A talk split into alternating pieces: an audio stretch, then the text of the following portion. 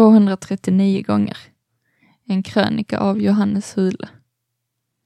Jag lyssnar mycket på podcasts. En av mina favoriter berättar podcastvärlden om sitt mobilberoende. Efter att ha laddat ner en app som mäter mobilanvändande kunde han vid dagens slut se att han tagit upp mobilen skrämmande mycket, 239 gånger. Efter lite räknande kom han fram till att han, när han hade möjlighet, hade gjort det en gång i minuten. Det hade blivit ett beroende som slukade varje minut han var ensam. I en annan podcast berättar en pastor om goda vanor vi som kristna bör ha. De flesta kristna är medvetna om vikten av att vara del av en troende gemenskap. Men här poängterade pastorn vikten av motsatsen, att man som kristen även måste ta stunder av ensamhet. Bläddrar man i Bibeln finner man snabbt att Jesus ofta tog tid i ensamhet. I ensamheten fick han möta Gud.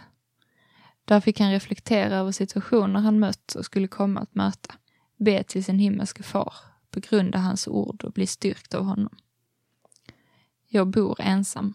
Jag åker buss till jobbet ensam. Jag går och handlar ensam. Ändå är det sällan jag har en ensam stund. Jag märker att när jag får en chans till ensamhet drar jag mig till gemenskap med min telefon. Jag låter flödet från Insta, Facebook och Snapchat mata mig med tidsfördriv. Det har blivit ett beroende. Kvällen efter jag lyssnat på den andra podden sätter jag mig i soffan och känner suget att plocka upp telefonen. Jag motstår och väljer istället att vara ensam. I ensamheten vänder jag mig mot Gud. Jag begrundar hans ord och ber till honom. En liten stund gör att jag återfår mitt fokus.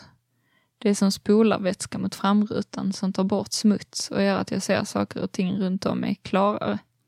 Tack Gud för att du har styrkt mig.